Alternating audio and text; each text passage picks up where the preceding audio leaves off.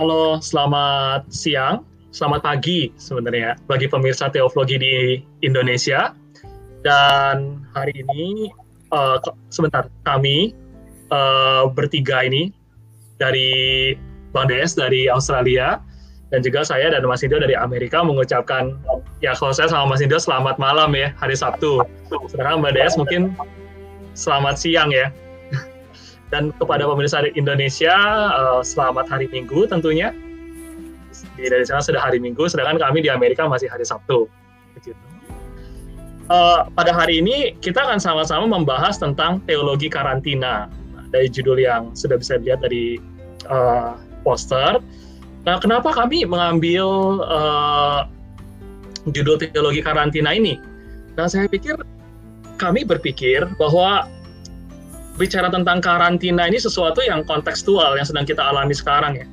Tentunya di tengah pandemik dari virus COVID-19 atau coronavirus ini membuat seluruh uh, aktivitas manusia ini jadi terhambat dengan adanya karantina begitu kan.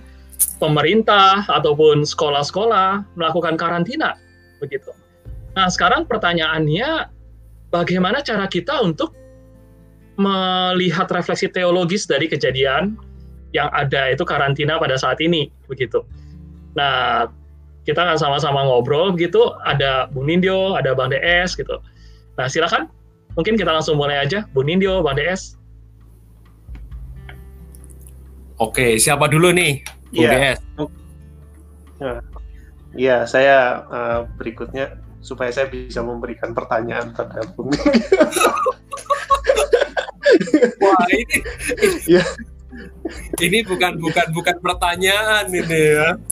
Tapi oke oke saya iya. mulai saya mulai saya mulai okay. karena Enggak, saya, saya mulai. Saya oh, yuk, yuk mulai. Oh, ya, Bung, Bung Des mulai. Silakan, Su. Iya, saya mulai. Uh, jadi kalau kita uh, perhatikan ya masalah corona ini dan juga Bung Nindyo sudah memberikan refleksi ya terkait bagaimana uh, uh, bagaimana fenomena virus corona ini, pandemi virus corona ini membuat uh, menuntut karantina di berbagai tempat termasuk gereja. Ini kan mengundang pertanyaan dan saya pikir ini tetap menjadi uh, perdebatan ya.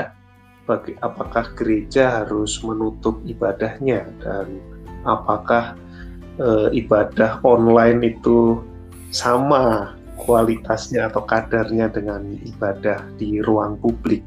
Dan saya kalau kita mengamati dari Facebook saja, nah ternyata di Indonesia tidak sedikit rupanya pendeta-pendeta dan juga gereja yang keberatan dengan ide mengalihkan hmm. ibadah uh, ke online begitu. Dan rupanya ada gereja-gereja yang tetap menyelenggarakan ibadahnya di uh, secara publik di ruang terbuka begitu oh. maksudnya. Oke, nah ini jadi menimbulkan pertanyaan bagi kita, bagaimana uh, perdebatan atau pertanyaan-pertanyaan terkait dengan hal ini dan Bung Nindyo sendiri juga telah menuliskan refleksinya ya di catatan di Facebook waktu itu yang saya juga baru tahu di situ dari tulisan di situ bahwa karantina itu rupanya dari punya sejarahnya, punya akar iya. sejarah dalam tradisi Kristen.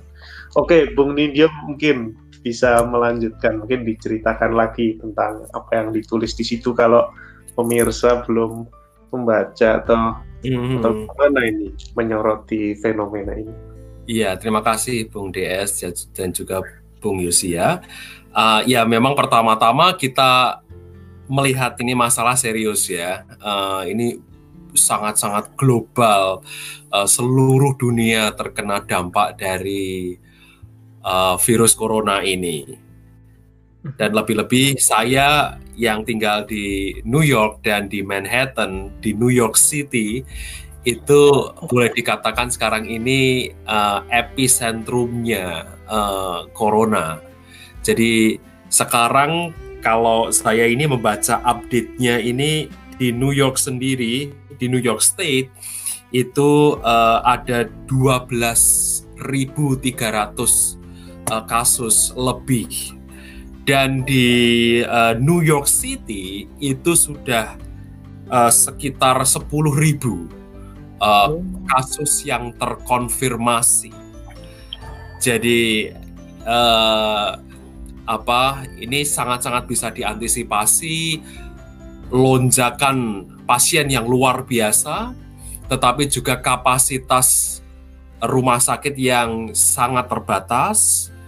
Kita tahu juga eh, kebutuhan obat-obatan yang tidak mungkin bisa eh, cukup untuk pasien yang sedemikian banyak. Kemudian juga belum melihat uh, fluktuasi ekonomi dan dan kejatuhan ekonomi bagaimana uh, terjadinya New York yang terkenal sebagai uh, the sleepless city atau the city that never sleeps dan sekarang harus dipaksa untuk uh, tidur begitu. Hari ini juga Gubernur New York itu mengumumkan bahwa semua uh, aktivitas yang tidak berkenaan dengan bisnis yang sangat penting itu harus tutup per jam 8 malam. Dan uh, aktivitas di kampus juga tadi diberitakan barusan beberapa jam yang lalu diberitakan bahwa uh, per besok sudah tidak lagi ada aktivitas apa pun di kampus. Jadi betul-betul lockdown uh, situasinya sedemikian di kota ini. Nah, uh, jadi pertama-tama bicara mengenai, mengenai karantina, Bung DS dan Bung Yosia, kita memang melihat ini karantina yang tidak kita harapkan, tidak banyak diharapkan oleh uh, orang di seluruh dunia, tetapi memang kita harus melakukannya. Nah, sebagai teolog-teolog, saya dan kita perlu mencoba mengadres masalah ini dan bagaimana kita merenungkan berdasarkan uh, tradisi dan juga resources yang kita miliki sebagai uh, para teolog. Nah, saya memang membuat sebuah tulisan yang pendek itu di Facebook. Uh, nanti coba saya akan link di bawah uh, channel YouTube ini. Saya tertarik justru ketika melihat bahwa ternyata secara etimologis istilah karantina itu punya kaitan dengan sejarah Kristiani. Ada sekularnya, ada sisi sekularnya, tetapi juga ada sisi rohaninya ternyata. Jadi secara etimologis, karantina itu berasal dari kata Latin quadraginta, gitu ya, atau bahasa Italinya itu quanta yang artinya adalah 40. Nah, pertama-tama diperkenalkan di dalam bahasa Inggris itu sekitar tahun 1520 yang artinya itu menunjuk kepada 40 hari ketika seorang janda ditinggal oleh suaminya, dia masih boleh tinggal di rumah suaminya itu selama 40 hari. Setelah 40 hari dia harus keluar dari rumah itu. Nah, akan tetapi istilah karantina yang kita miliki sekarang ini itu ternyata diambil dari sejarah di Italia. Jadi sekitar tahun uh, 1300-an abad 14 itu di Venesia um, itu ada karena Venesia itu kota dermaga begitu ada kapal-kapal yang datang ke Venesia ternyata mereka itu diduga membawa wabah membawa virus dari dermaga yang sebelumnya mereka singgahi. Nah, sehingga kapal-kapal ini harus dikarantina selama 40 hari. Nah, jadi jadi uh, kemudian istilah karantina itu sangat terkait dengan uh, proses kapal nggak boleh mendarat uh, di dermaga merapat ke pelabuhan, tapi harus menjalani proses selama 40 hari berada di laut terlebih dahulu. Sampai kemudian dinyatakan bahwa mereka itu uh, aman gitu ya dari wabah. Nah, saya gentar dan takut untuk mengatakan bahwa apakah karantina yang kita sekarang jalani ini akan berlangsung selama 40 hari God forbid, semoga tidak terjadi. Tetapi uh, yang ingin saya kerjakan adalah coba kita berpikir dan merenung secara teologis. Kemudian eh, rekan-rekan semua, pada tahun 1400-an istilah kuarantin dalam bahasa Inggris kuno itu sangat erat dengan istilah tadi ya quadraginta yang pada ke eh, periode-periode berikutnya di tahun-tahun berikutnya itu justru dipakai untuk masa-masa ketika Kristus mengasingkan diri di padang gurun selama 40 hari dan kemudian ia dicobai. Kristus yang berpuasa di padang gurun dan kemudian dia dicobai. Itu adalah istilah karantina. Nah, Menarik kalau begitu, secara teologis kita mengkarantina diri. Itu ada akar sejarahnya, ada akar tradisi Kristen yang kita miliki. Nah, jika demikian, masa karantina mestinya menjadi masa yang sangat penting bagi kehidupan Kristiani. Mengapa? Karena Yesus dari Nazaret, junjungan dan teladan kita pun melalui melewati masa-masa tersebut. Nah, sekarang bagaimana maknainya? Nah, saya justru ingin melihat itu ya, kembali merenungkan apa yang ditulis oleh Matius di pasal yang keempat, Lukas pasal yang keempat, tentang karantina ini. Jadi Yesus memang sengaja mengisolasikan dirinya dari keramaian. Tidak ada teman, tidak ada sahabat, dia sendiri di padang gurun itu selama 40 hari dan kemudian dia dicobai oleh si jahat. Nah, saya rasa di sini um, apa yang dilakukan oleh Yesus juga mengingatkan kita pada peristiwa di Perjanjian Lama. Orang-orang Israel keluar dari tanah Mesir dalam perjalanan menuju ke Perjanjian, mereka harus melewati padang gurun selama 40 tahun.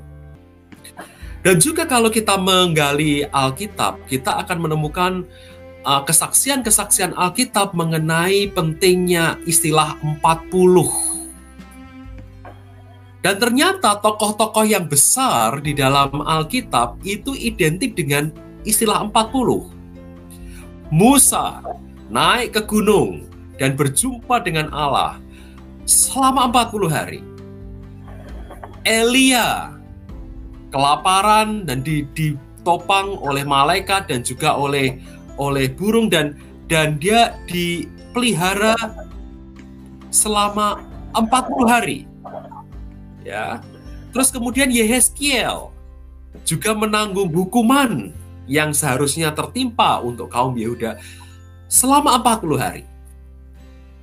Nah, kalau begitu di sini penting kita merenungkan kuadraginta itu yang darinya istilah karantina itu diambil. Nah, saya merasa di sini pentingnya kembali untuk merenungkan 40 hari. Nah, secara lebih khusus lagi kita bertanya apa yang terjadi pada Yesus. Nah, saya merenungkan di situ. Ketika Yesus sendiri, ketika Yesus seorang diri, apa yang dia lakukan? Yang saya tulis di artikel saya, di tulisan saya itu adalah sekalipun dia sendirian atau dalam masa kesendiriannya itu, di situlah Yesus menajamkan panggilannya sebagai sosok yang dikasihi. Dia adalah the beloved. Persis seperti yang ia dengarkan dari surga pada waktu dia habis dibaptiskan oleh Yohanes. Inilah anakku yang kukasihi. Istilah yang sama, kalimat yang sama ia dengarkan juga pada waktu transfigurasi di atas gunung itu. Ketika Musa dan Elia menampakkan diri di samping Yesus. Inilah anakku yang kukasihi. Nah, di padang gurun Yesus orang diri, hanya iblis yang menemani dia. Tetapi di situlah ujian apakah dia menjadi pribadi yang dikasihi atau tidak. Jadi bagi saya, karantina di sini, belajar dari Yesus perlu kita maknai sebagai bagian penajaman panggilan kita, apakah kita adalah orang-orang yang dikasihi.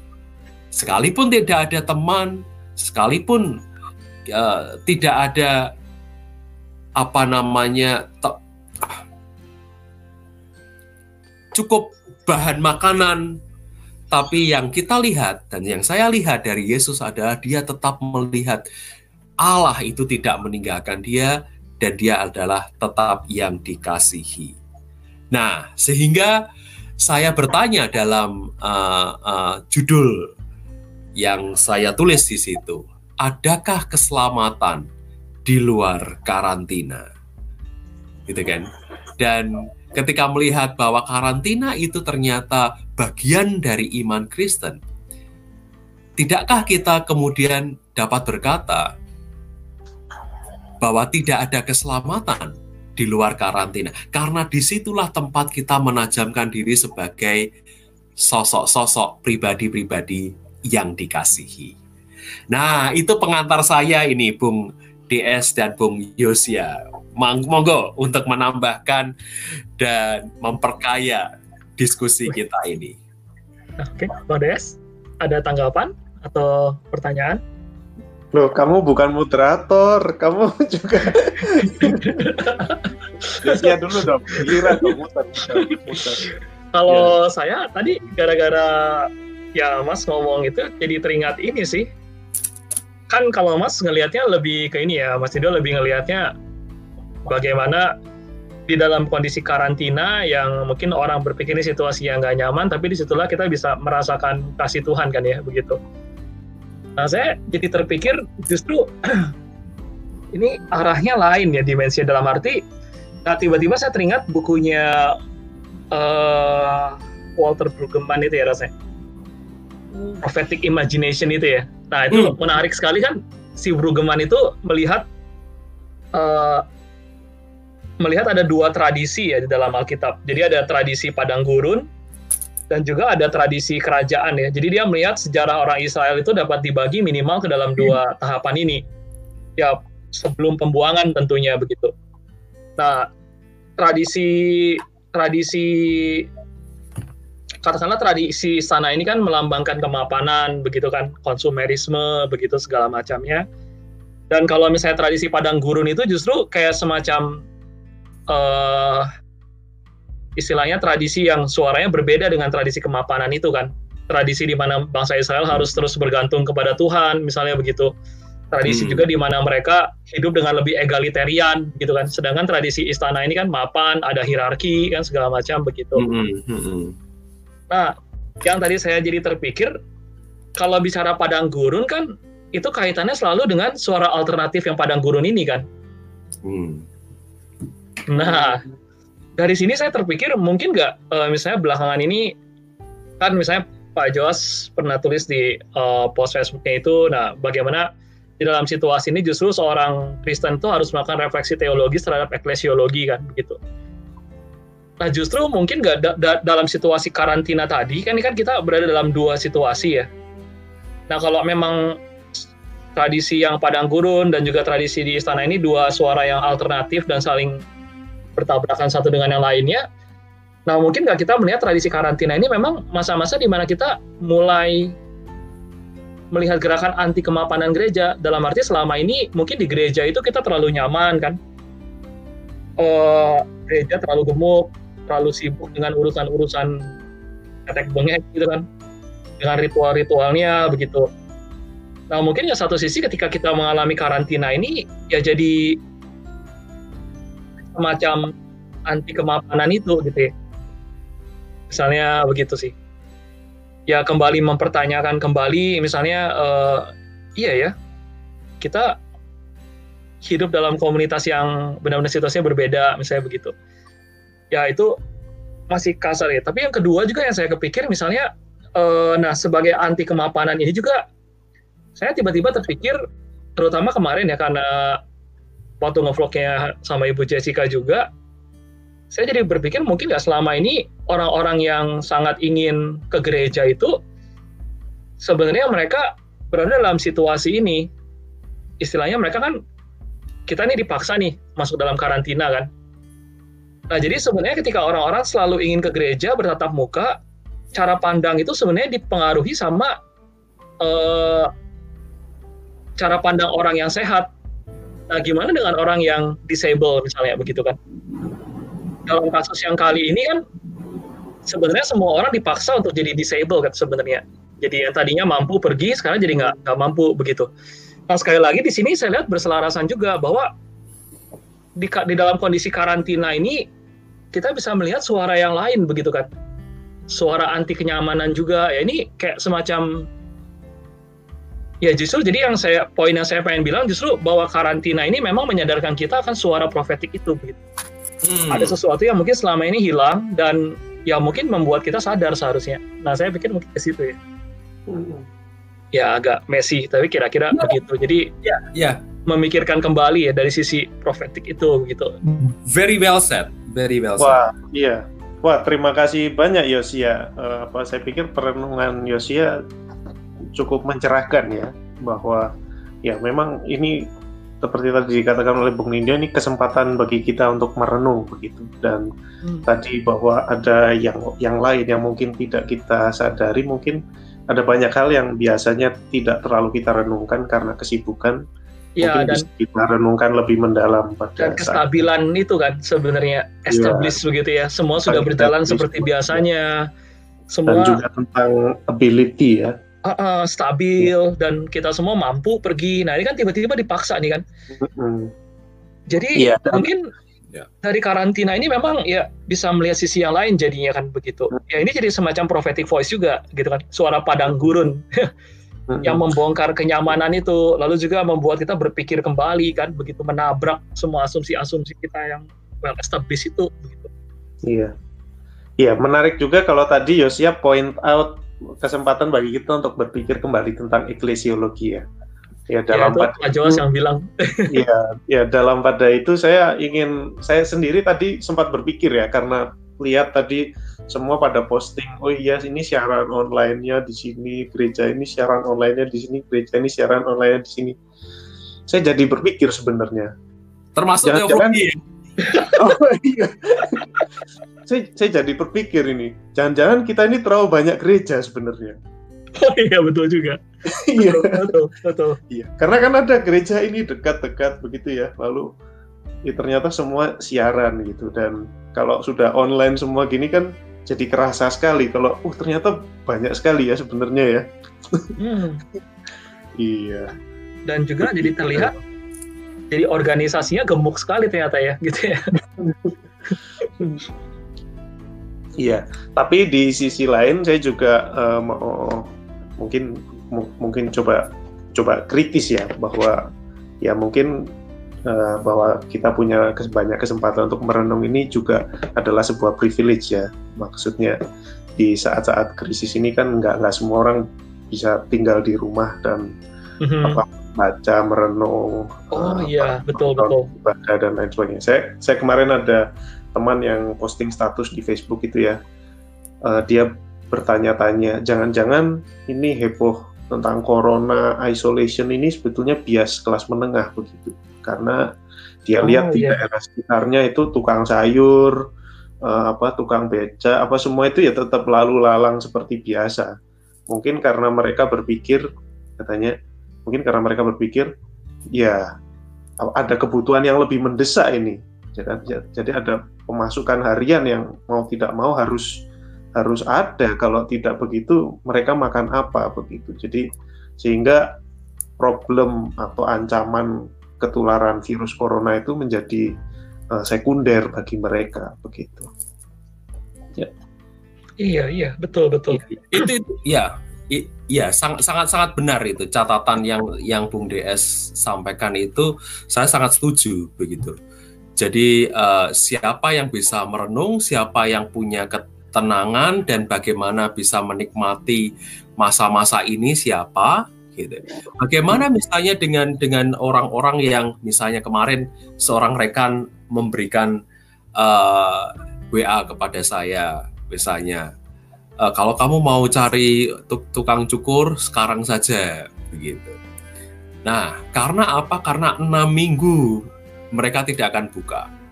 Nah, coba bayangkan ya kan kalau tukang cukur itu penghasilannya itu selama enam minggu macet. Hmm. Bagaimana? Begitu. Kan? Nah, siapa yang punya tabungan? Siapa hmm. yang punya duit lebih? Yang mungkin tetap bisa sustain mereka selama hidup mereka itu tidak tidak bekerja. Gitu kan. Betul. Mungkin kalau oh sorry sorry. Bang ya, dulu. ya. sorry dan saya juga melihat itu ya di Facebook itu beberapa teman teolog-teolog yang dari barat itu uh, banyak yang posting wah ini kesempatan waktu membaca buku sudah apa namanya untuk membaca buku menulis menyelesaikan buku lalu sambil memposting foto apa gudangnya di rumah itu udah penuh rak-rak dengan makanan, minuman, bahkan juga minuman-minuman wine apa semua gitu ya. Terus teman-teman juga tertawa gitu ya. Nah itu kan sebetulnya kita bisa mempertanyakan juga sebetulnya uh, apa kegiatan berteologi uh, yang yang sering kali di apa namanya dianggap primer gitu atau prime gitu itu itu apa ada Betul. bias apa di baliknya. Dan kalau boleh saya tambahin, mungkin bukan cuma masalah yang kuat secara ekonomi, status ekonomi, saya keadaan ekonominya, tapi juga memang betul sih, yang well educated person kali ya, itu juga mungkin tambahan kali ya. Hmm. Gak, gak semua orang merenung, maksudnya betul juga, ya mungkin orang yang pernah terpapar dunia kuliah misalnya kali ya, atau misalnya pernah punya emang senang berpikir ya mungkin mereka bisa berpikir. Nah tapi kalau misalnya di luar itu bagaimana ya? Itu ya. juga memang betul sih. Betul juga. Di sisi yang lain uh, saya juga memberikan uh, perspektif di sisi yang lain. Uh, misalnya ya tetangga-tetangga di sini justru pada masa uh, outbreaknya corona dan masa-masa karantina ini ternyata tumbuh uh, kebiasaan yang baru, yaitu saling memperhatikan. Hmm. Begitu.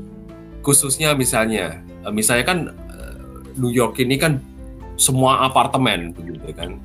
Di sini tidak ada privilege untuk punya ruang rumah sendiri, gitu, rumah betul-betul rumah, tetapi apartemen.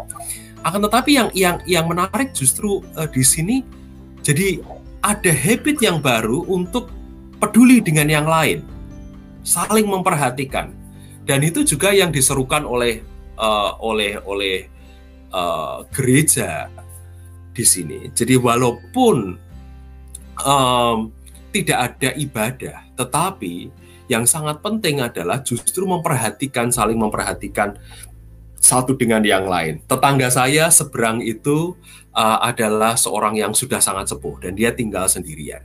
Siapa yang kira-kira akan memperhatikan? Sementara hmm. orang-orang yang yang tua adalah uh, orang yang juga vulnerable terhadap uh, kasus yang seperti ini. Walaupun hari ini juga saya tahu uh, 55% lebih dari uh, uh, penderita corona di New York City itu adalah orang-orang yang usianya 18 sampai 49 tahun, usia-usia hmm. produktif. Jadi yang dulu dipikir bahwa usia-usia produktif itu tidak bisa atau lebih cenderung tidak kena, tapi ternyata mereka kena sekarang dan lebih dari 50% itu mereka. Jadi di sini juga uh, kegagahan, kepongahan, power, privilege itu juga jadi hancur. Dan juga selain yang tadi dikatakan oleh Bung DS bahwa kaum middle class itu punya privilege, tapi juga mereka yang paling kolaps katakanlah begitu ya dan banyak sekali orang-orang uh, uh, uh, yang punya pendidikan yang baik pekerjaan yang baik dalam masa-masa ini juga uh, mereka menghadapi tantangan yaitu kemungkinan besar mereka akan kena layoff juga. Nah, jadi jadi anxiety-nya yang saya lihat itu adalah justru banyak lebih banyak dan dan dan dan uh, uh, mungkin paling banyak terjadi di kalangan orang-orang uh, privilege, orang-orang yang berprivilege. Nah, di sini juga juga kita kita perlu uh, lihat begitu. Ya. Iya, iya. Lalu kalau soal ibadah online gimana? Wah, silakan yang technologically savvy ini. Gimana ini ibadah ya, online? Institut Teknologi gimana?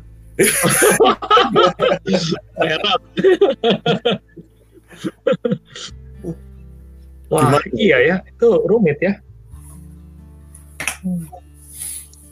Tapi kalau menurut saya ya nggak apa-apa ya, begitu ya dan bagi saya dalam situasi yang penuh yang situasi yang memang maksudnya situasi karantina begini kan kita dalam konteks karantina nih kan sekarang kan.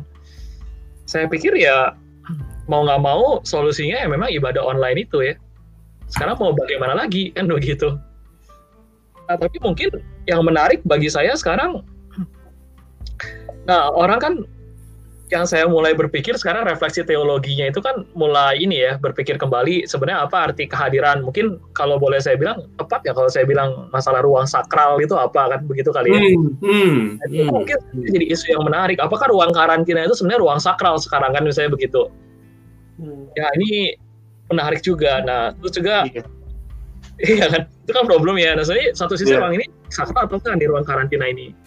Terus yang kedua uh, saya mulai berpikir nih kan ada isu-isu misalnya harus pakai baju yang rapi kan segala macam begitu ya. Nah ini ini sekali lagi saya berpikir ruang karantina ini harus dijadikan ruang yang established juga seperti gereja begitu.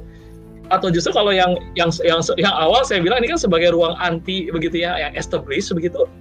Kenapa nggak nggak dibiasakan aja nggak usah pakai baju rapi kan begitu. Jadi sekali lagi ruang ruang ruang ruang karantina ini mau dilihat sebagai anti kemapanan itu. Tapi tetap pakai baju ya? Oh pakai lain kan? Apa juga? Nggak ada yang lihat juga. Siapa juga yang mau lihat? Kan ya kan?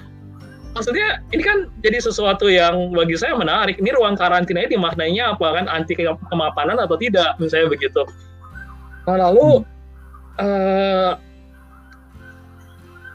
saya tadi kepikir apa ya? Mungkin dua ini dulu aja sih yang baru kepikir ya. Jadi memaknainya sekarang gimana nih kan karena ruang virtual ini. Tadi Bang Deas kayak angkat tangan ya, masalah hmm. ruang sakral ya.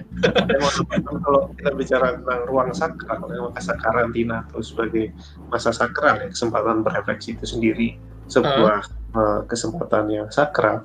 Kalau tadi dihubungkan dengan kisah Yesus yang 40 hari di padang gurun, kalau kita bandingkan dengan sekarang ya, selama 40 hari di padang gurun tuh sebetulnya Yesus kan juga nggak ke rumah ibadah. Iya. ya kan? jenius bang, jenius. oh, iya. Kenapa nama? Nah, iya, iya.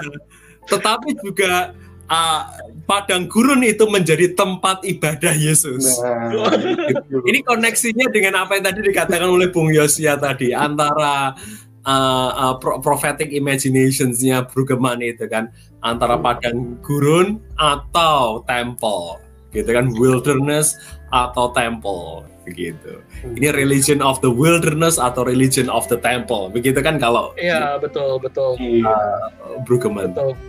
Nah, Ya. Ya, religion of, religion of wilderness itu termasuk teologi ya. Jadi saya suara marginal ya, alternatif. iya iya iya. Iya iya.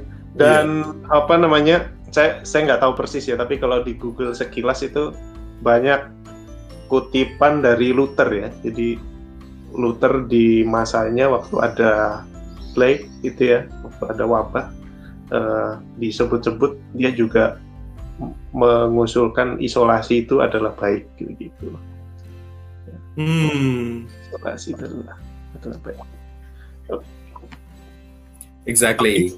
Ya. Iya, iya, betul sih. Fine. Ya, ada ada doa dari Luther itu kan, ya, yang yang uh, sangat terkenal berkaitan dengan isolasi itu. Teman-teman cari gitu kan. Uh, saya kutip ini ya saya membaca ini. I shall ask God mercifully to protect us. Then I shall fumigate help purify the air administer medicine and take it. I shall avoid places and persons where my presence is not needed in order not to become contaminated and thus perchance inflict and pollute others, and so cause their death as a result of my negligence. Gitu.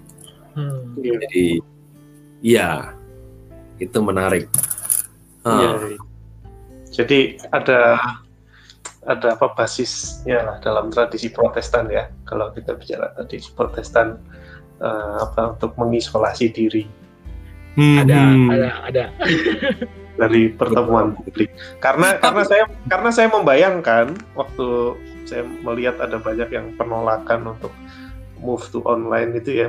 Saya membayangkan hmm. mungkin ada ayat yang teringat ya atau mengena bagi orang-orang itu ya bahwa apa di Ibrani itu bahwa hmm. Janganlah kita menjauhkan diri dari pertemuan-pertemuan ibadah kita Uh, Ibrani 10 ayat 25 ya. Iya, makin sering melakukannya menjelang hari Tuhan yang mendekat. Nah, ini jangan-jangan corona ini hari Tuhan kan? Jadi hmm. justru ketika ada wabah datang, marilah kita lebih sering melakukan pertemuan-pertemuan ibadah kita. Uh. Gimana? provokatif, provokatif. Kalau saya pikirnya justru Ibrani kan ditulisnya pada waktu persekusi ya rasanya ya kalau sepemahaman hmm. saya ya pada hmm. zaman itu kan persekusi makanya komunitas Kristen kan mau nggak mau ya mereka ada kerinduan beribadah jadi jangan menjauhi juga setauku dalam konteks Ibrani 10 kan setelah ada peringatan jangan murtad ya pasal 6 rasanya mm-hmm. pasal 4 juga rasanya ada uh, saya lupa pokoknya dia ada berapa peringatan sampai di pasal yang 10. Jadi mungkin dalam menjauhi ibadah itu dalam konteks di mana kalau kamu nggak bersama-sama dengan orang beriman nanti kamu murtad kan begitu. Nah kalau sekarang sih bagi saya dalam konteks corona ini atau outbreak ini ya lagi pandemik, justru ketika kamu bersama-sama dengan saudara seiman ya kamu murtad karena kamu mati bareng kan nanti gitu. ya, Jadi ya, Oh, jadi, menarik, menarik. Hmm. Jadi saya lihat yang pertama konteksnya berbeda. Begitu tujuan pembacaannya bagi saya nggak bisa lepas dari konteks yang tadi. Karena ada ada pemurtatan tadi, karena ada uh, persekusi terhadap orang Kristen di abad-abad mula-mula begitu. Jadi saya rasa beda ya konteks itunya. Sehingga kalau memang menggunakan ayat itu untuk menyatakan bahwa harus ibadah online sih saya pikir nggak tepat guna ya. Begitu. Uh, terus apa lagi ya kira-kira ya? Menarik, menarik. Apa yang dikatakan oleh Bung Yosia itu sangat penting. Jadi justru peristiwa corona dan peristiwa karantina yang di dalamnya kita dipaksa uh, untuk berjarak dengan rekan-rekan kita, dengan saudara kita. Uh, itu membuat kita juga berpikir ulang sebenarnya apa sih makna koneksi Apakah koneksi itu berarti memang koneksi secara fisik? Dan apa artinya bersekutu? Apakah bersekutu itu harus bersekutu secara fisik? Bagaimana jika bersekutu secara fisik itu justru membahayakan kita dan membahayakan orang lain? Nah, di sini juga juga bisa kemudian ada orang yang pushback seperti yang tadi dikatakan oleh Bung DS, bagaimana jika semuanya itu setuju bahwa ini memang hari Tuhan yang mendekat? Ya sudah, karena ini hari Tuhan yang mendekat, mari kita song-song kedatangan Tuhan. Gitu kan? Dan ini kan tidak kesalahan saya bahwa nanti ketika saya itu mati ya puji Tuhan haleluya Tuhan akan mengangkat saya. Itu kan saya akan diselamatkan karena dengan demikian tugas saya di dunia ini sudah selesai. Tugas kita sebagai umat Allah juga sudah selesai. Amin saudara-saudara begitu. Akan tetapi yang juga di sini kita perlu pikirkan adalah kalau itu terjadi, apakah yang mati itu cuma kelompok itu? Apa bedanya dengan dengan uh, misalnya ya misalnya ya David Koresh gitu kan pengikut-pengikutnya yang yang sampai bunuh diri massal misalnya seperti itu. Bukankah juga orang yang hidup itu juga jadi bingung entahkah mereka nanti juga takut akan uh, uh, juga mereka bisa cenderung tertular gitu ya atau mereka disibukkan oleh kematian orang-orang yang sebenarnya kalau nggak mati juga tidak terlalu merepotkan tapi begitu mereka mati malah tambah merepotkan orang yang hidup. Bagaimana dengan keluarganya? Uh, mereka juga. Jadi di sini menurut saya adalah ada hal-hal yang memang perlu dipikirkan lebih lanjut. Bukan hanya sekedar ayatnya yang ngomong begitu Ibrani 10 ayat 25 itu bicara jangan menjauhkan diri dari persekutuan.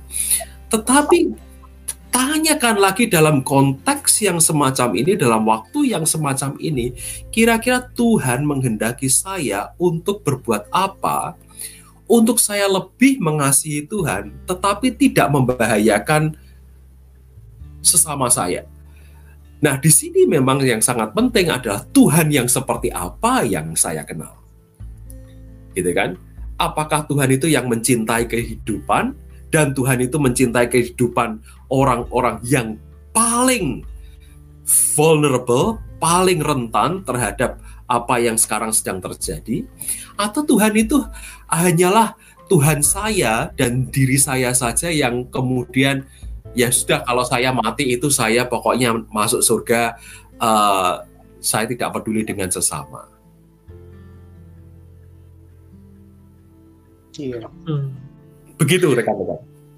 Mungkin kalau saya berpikir juga mungkin nggak ya kalau ini bisa jadi ilustrasi ya. Nah misalnya, nah saya nggak nggak bilang bahwa uh, merokok ini dosa atau tidak. Ini kan masalah isu yang besar ya. Tapi bagi saya yang saya berpikir kenapa merokok itu bermasalah? Misalnya uh, katakanlah sebaiknya jangan merokok karena merokok ini kan uh, sebenarnya berhubungan dengan ini ya, katakanlah asapnya misalnya begitu kan.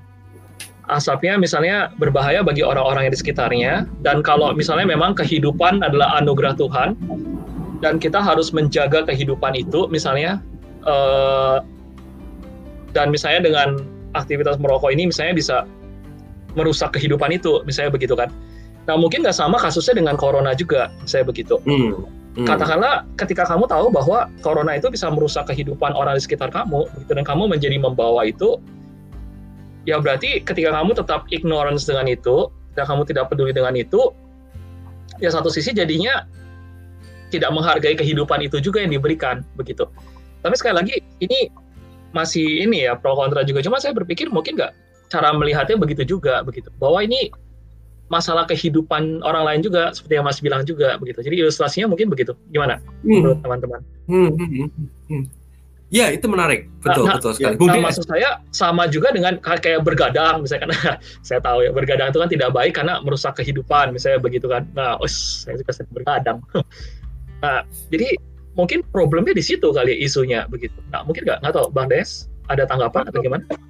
kalau soal-soal etis saya serahkan ke Cak Per aja karena beliau beliau itu pakarnya teologi and ethics. And ethics.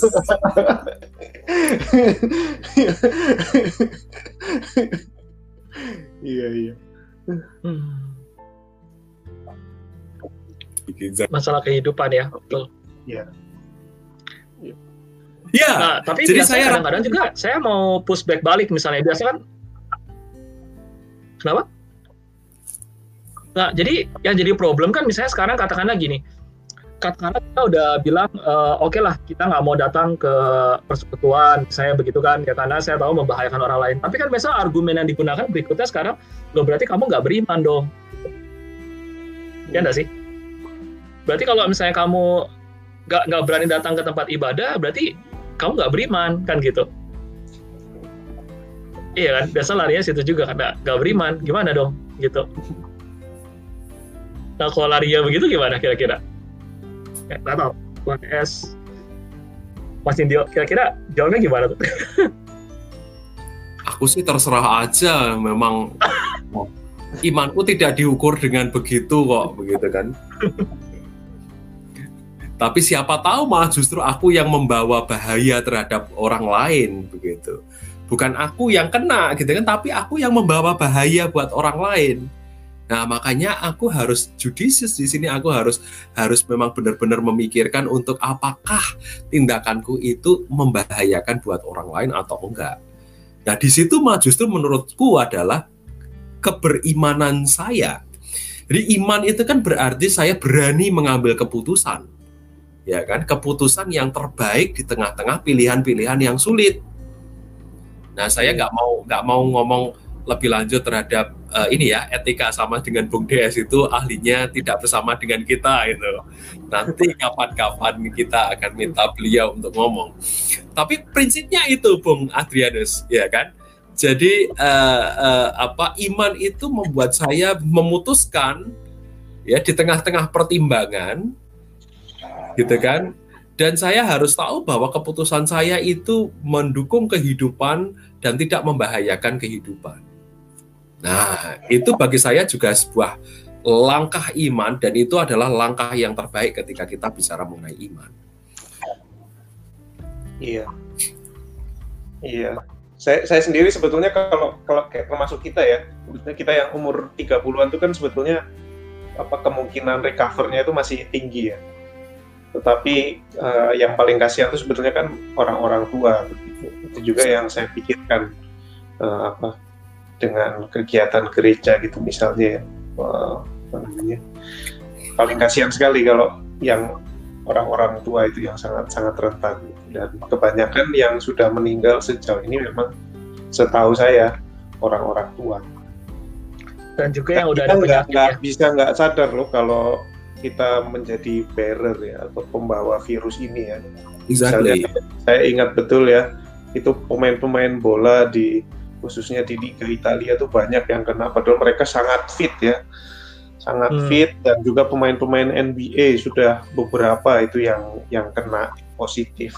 Dan mereka juga dalam kesaksiannya mengatakan tidak sadar sama sekali. Mereka merasa secara fisik mereka sama fitnya seperti seperti umumnya. Nah, nah itulah. Itu itu yang yang perlu kita waspadai uh, bukan masalah nggak beriman ini, tetapi kalau langkahku justru membahayakan orang lain, think again. Menurut saya itu apa itu artinya beriman, begitu kan? Jadi, nah problemnya sekarang begini uh, juga Bung Yosia sama Bung DS ini.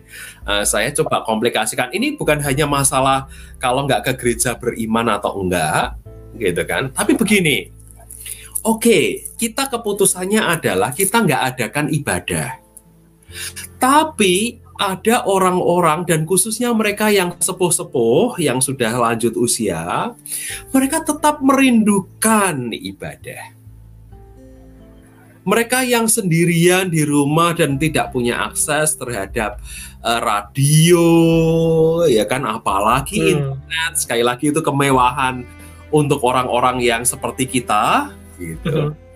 Tapi bagaimana dengan mereka yang uh, sangat sederhana dan mereka merindukan untuk datang ke gereja? Nah, sehingga apakah gereja tidak harus memikirkan nasib mereka juga, kepentingan mereka juga, kerinduan mereka juga. Karena itu, yuk kita bagi. Oke, yang memang mau di rumah, kita sediakan. Ada channel YouTube, tetapi gereja kita tetap mengadakan ibadah. Gitu kan? Untuk menampung, mengakomodasi orang-orang yang memang ingin beribadah. Dan kita nanti akan katakan kepada semua jemaat, kita umumkan kepada seluruh jemaat, kalau memang datang, risiko tanggung penumpang, bukan kami. Nah, kalau seperti itu bagaimana? Begitu ini bukan lagi masalah beriman nggak beriman ya, ini sama-sama berimannya ini. Mm-hmm. Tapi harus mengakomodasi juga. Nah, itu problemnya bagaimana? Bang Des, mau jawab atau? Tuh, Yosi aja, Yosi. oh, kalau saya pikir uh, mungkin saya push uh, pushback baliknya begini, apa harus ya. ke gereja? Uh. Apa mungkin nggak ke rumah jemaat yang lain yang lebih dekat? Kan begitu. Kan Sebenarnya kan uh.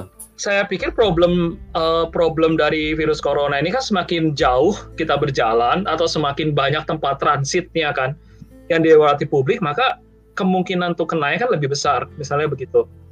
Nah, mungkin dalam kasus di mana ada jemaat yang lebih dekat, kenapa nggak diarahkan ke rumah jemaat yang mungkin punya fasilitas itu, ya enggak sih? Nah, kalau misalnya, hmm. Nah jadi maksud saya, jadi alternatifnya mungkin ya selain ke gereja, mungkin ke rumah jemaat yang memang punya akses itu, mungkin nggak itu. Ini kan sekali lagi kan case per case ya, ini kan kasusnya sulit, misalnya begitu. Nah, mungkin yang jadi masalah di situ saya pikir ya masalah gereja itu apa kan sekarang begitu. Apakah harus ibadah itu harus di gedungnya begitu baru bisa merasa nyaman atau persekutuannya misalnya begitu kan. Hmm. Konektivitasnya. Nah, misalnya begitu ya.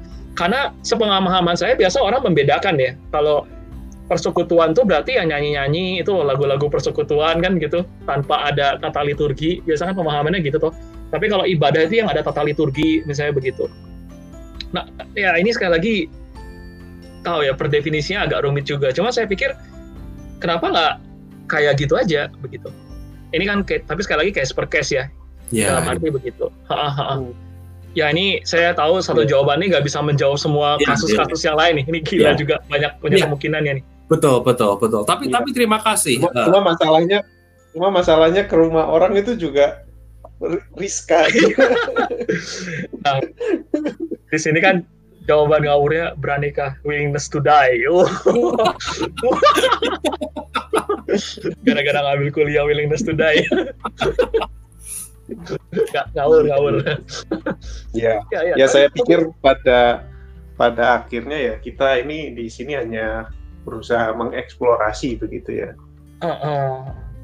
Mengeksplorasi dan ini juga jadi bagian bagi kita untuk berproses bersama, discerning bersama dengan gereja gereja-gereja yang ada atau rekan-rekan pelayanan yang lain. Pada akhirnya ya itu pergumulan gereja-gereja lokal sendiri ya mengambil keputusan ya dan semoga faktor-faktor uh, itu tadi juga dipertimbangkan ya. risiko-risiko dan dan perenungan-perenungan kita tadi. Oh, ya. betul dan dan saya jadi kayak mau nambah eh bang bang sudah selesai sudah, sudah, ya. tapi memang saya jadi kemarin-kemarin kepikir juga misalnya uh, yang saya lihat wacana di publik sekarang ini kan nah saya bersyukur juga coba keluarin isu ini wacana yang keluar di publik kan kayaknya logikanya masih berpikir harus ini atau kan dalam arti eksklusif begitu ini atau itu caranya kan begitu harus salah satu yang dilaksanakan begitu kan tapi betul juga yang seperti Bang Deyas bilang juga, kenapa logikanya harus pakai ini atau itu? Kenapa nggak berpikirnya ini dan itu misalnya kan? Jadi akhirnya ya solusi yang diberikannya nggak cuma satu begitu. Mengingat demografi, demografi jemaat kan ternyata juga beragam sekali kan. Misalnya begitu, ada yang sehat, tapi ada yang nggak sehat. Ya misalnya dis disable begitu kan, ada yang kalau disable bahasa Indonesia apa ya? Berarti ya? Nah, misalnya begitu kan atau Iya, ya disable aja. Iya, disable kan. Terus ada juga yang memang ya mungkin mampu kan secara ekonomi sehingga bisa streaming segala macam, tapi kan yang tidak mampu misalnya begitu. Ya betul juga, mungkin solusinya harus melihat dengan demografi jemaat ini kan sebenarnya memetakan kembali sebenarnya jemaatnya gimana sehingga solusinya nggak pernah satu kan begitu. Hmm.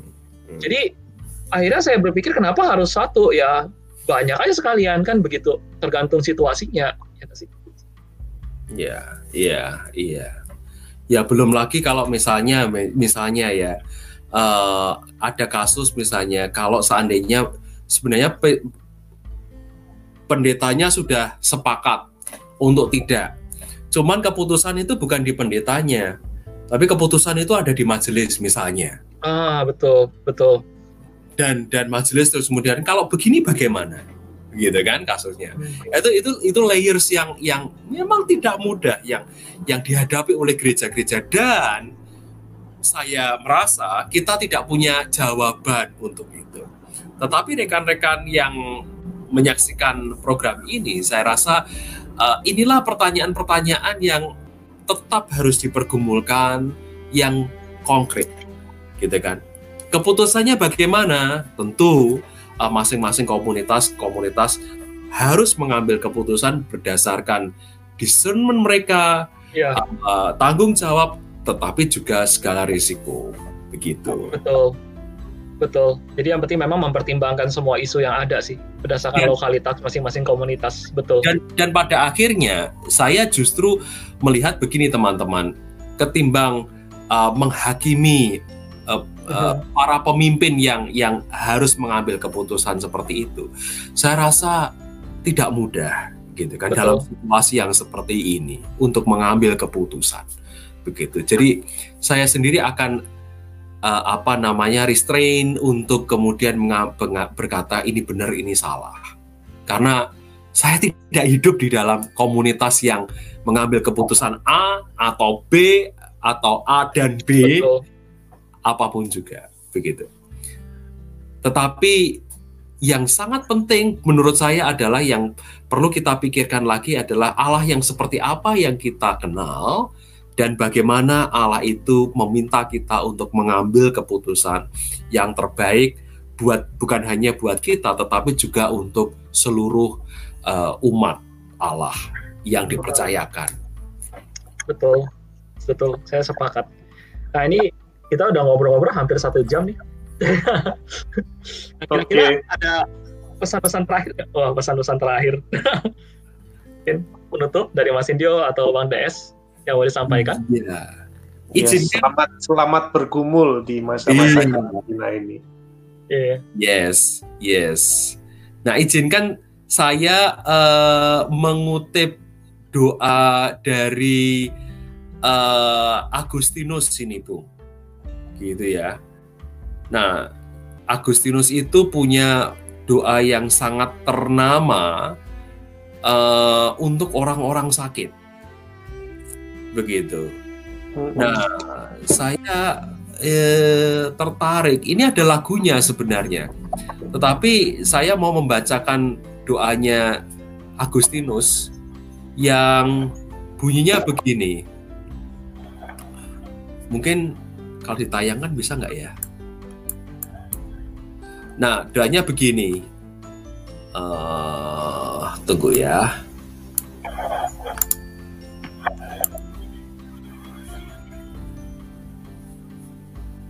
Uh, nih watch dear Lord with those who wake or watch or weep tonight. And give your angels charge over those who sleep. Tend your sick ones o lord jesus christ. Rest your weary ones. Bless your dying ones. Soothe your suffering ones shield your joyous one, and all for your love's sake. Saint Augustine. Nah, itu. Dan dan dalam doa kita juga perlu kita uh, kenang dan tetap kita doakan mereka yang berada di front line untuk penanganan para pasien yang itu juga sangat-sangat rentan terhadap um, um, apa terkena virus tersebut, terinfeksi virus iya, tersebut. Iya, betul. Begitu. Nah, mari kita saling mendoakan di sini, walaupun kita tidak bisa mendoakan di rumah ibadah. Itu sih, Bung. Oke, jadi kalau bisa saya simpulkan, sebenarnya tadi kita berbicara tentang, pemirsa sekalian, kita bicara tentang uh, keadaan karantina yang sedang kita hadapi sekarang, lalu kita melakukan refleksi di dalamnya. Tadi misalnya Mas Indio masalah dicintai dan mencintai begitu lalu saya bahas prophetic community dan tadi juga uh, kita mulai berbicara juga isu-isu lain ya seputar isu-isu yang ada, misalnya masalah beriman atau tidak, misalnya lalu masalah sacred space misalnya. Ada begitu banyak hal yang kita uh, kami semua sudah bahas. Semoga pembahasan ini bisa mencerahkan uh, dan sesuai dengan slogan teologi ya. Semoga ini bisa mengetatkan gitu ya hal-hal yang longgar kan itu, tapi juga bisa melonggarkan hal-hal yang ketat gitu ya. Sekian dari kami, uh, kami pamit gitu ya. Jadi terima kasih sudah memperhatikan. Dadah. Terima kasih. Selamat hari Minggu. Selamat, Selamat hari, hari Minggu. minggu.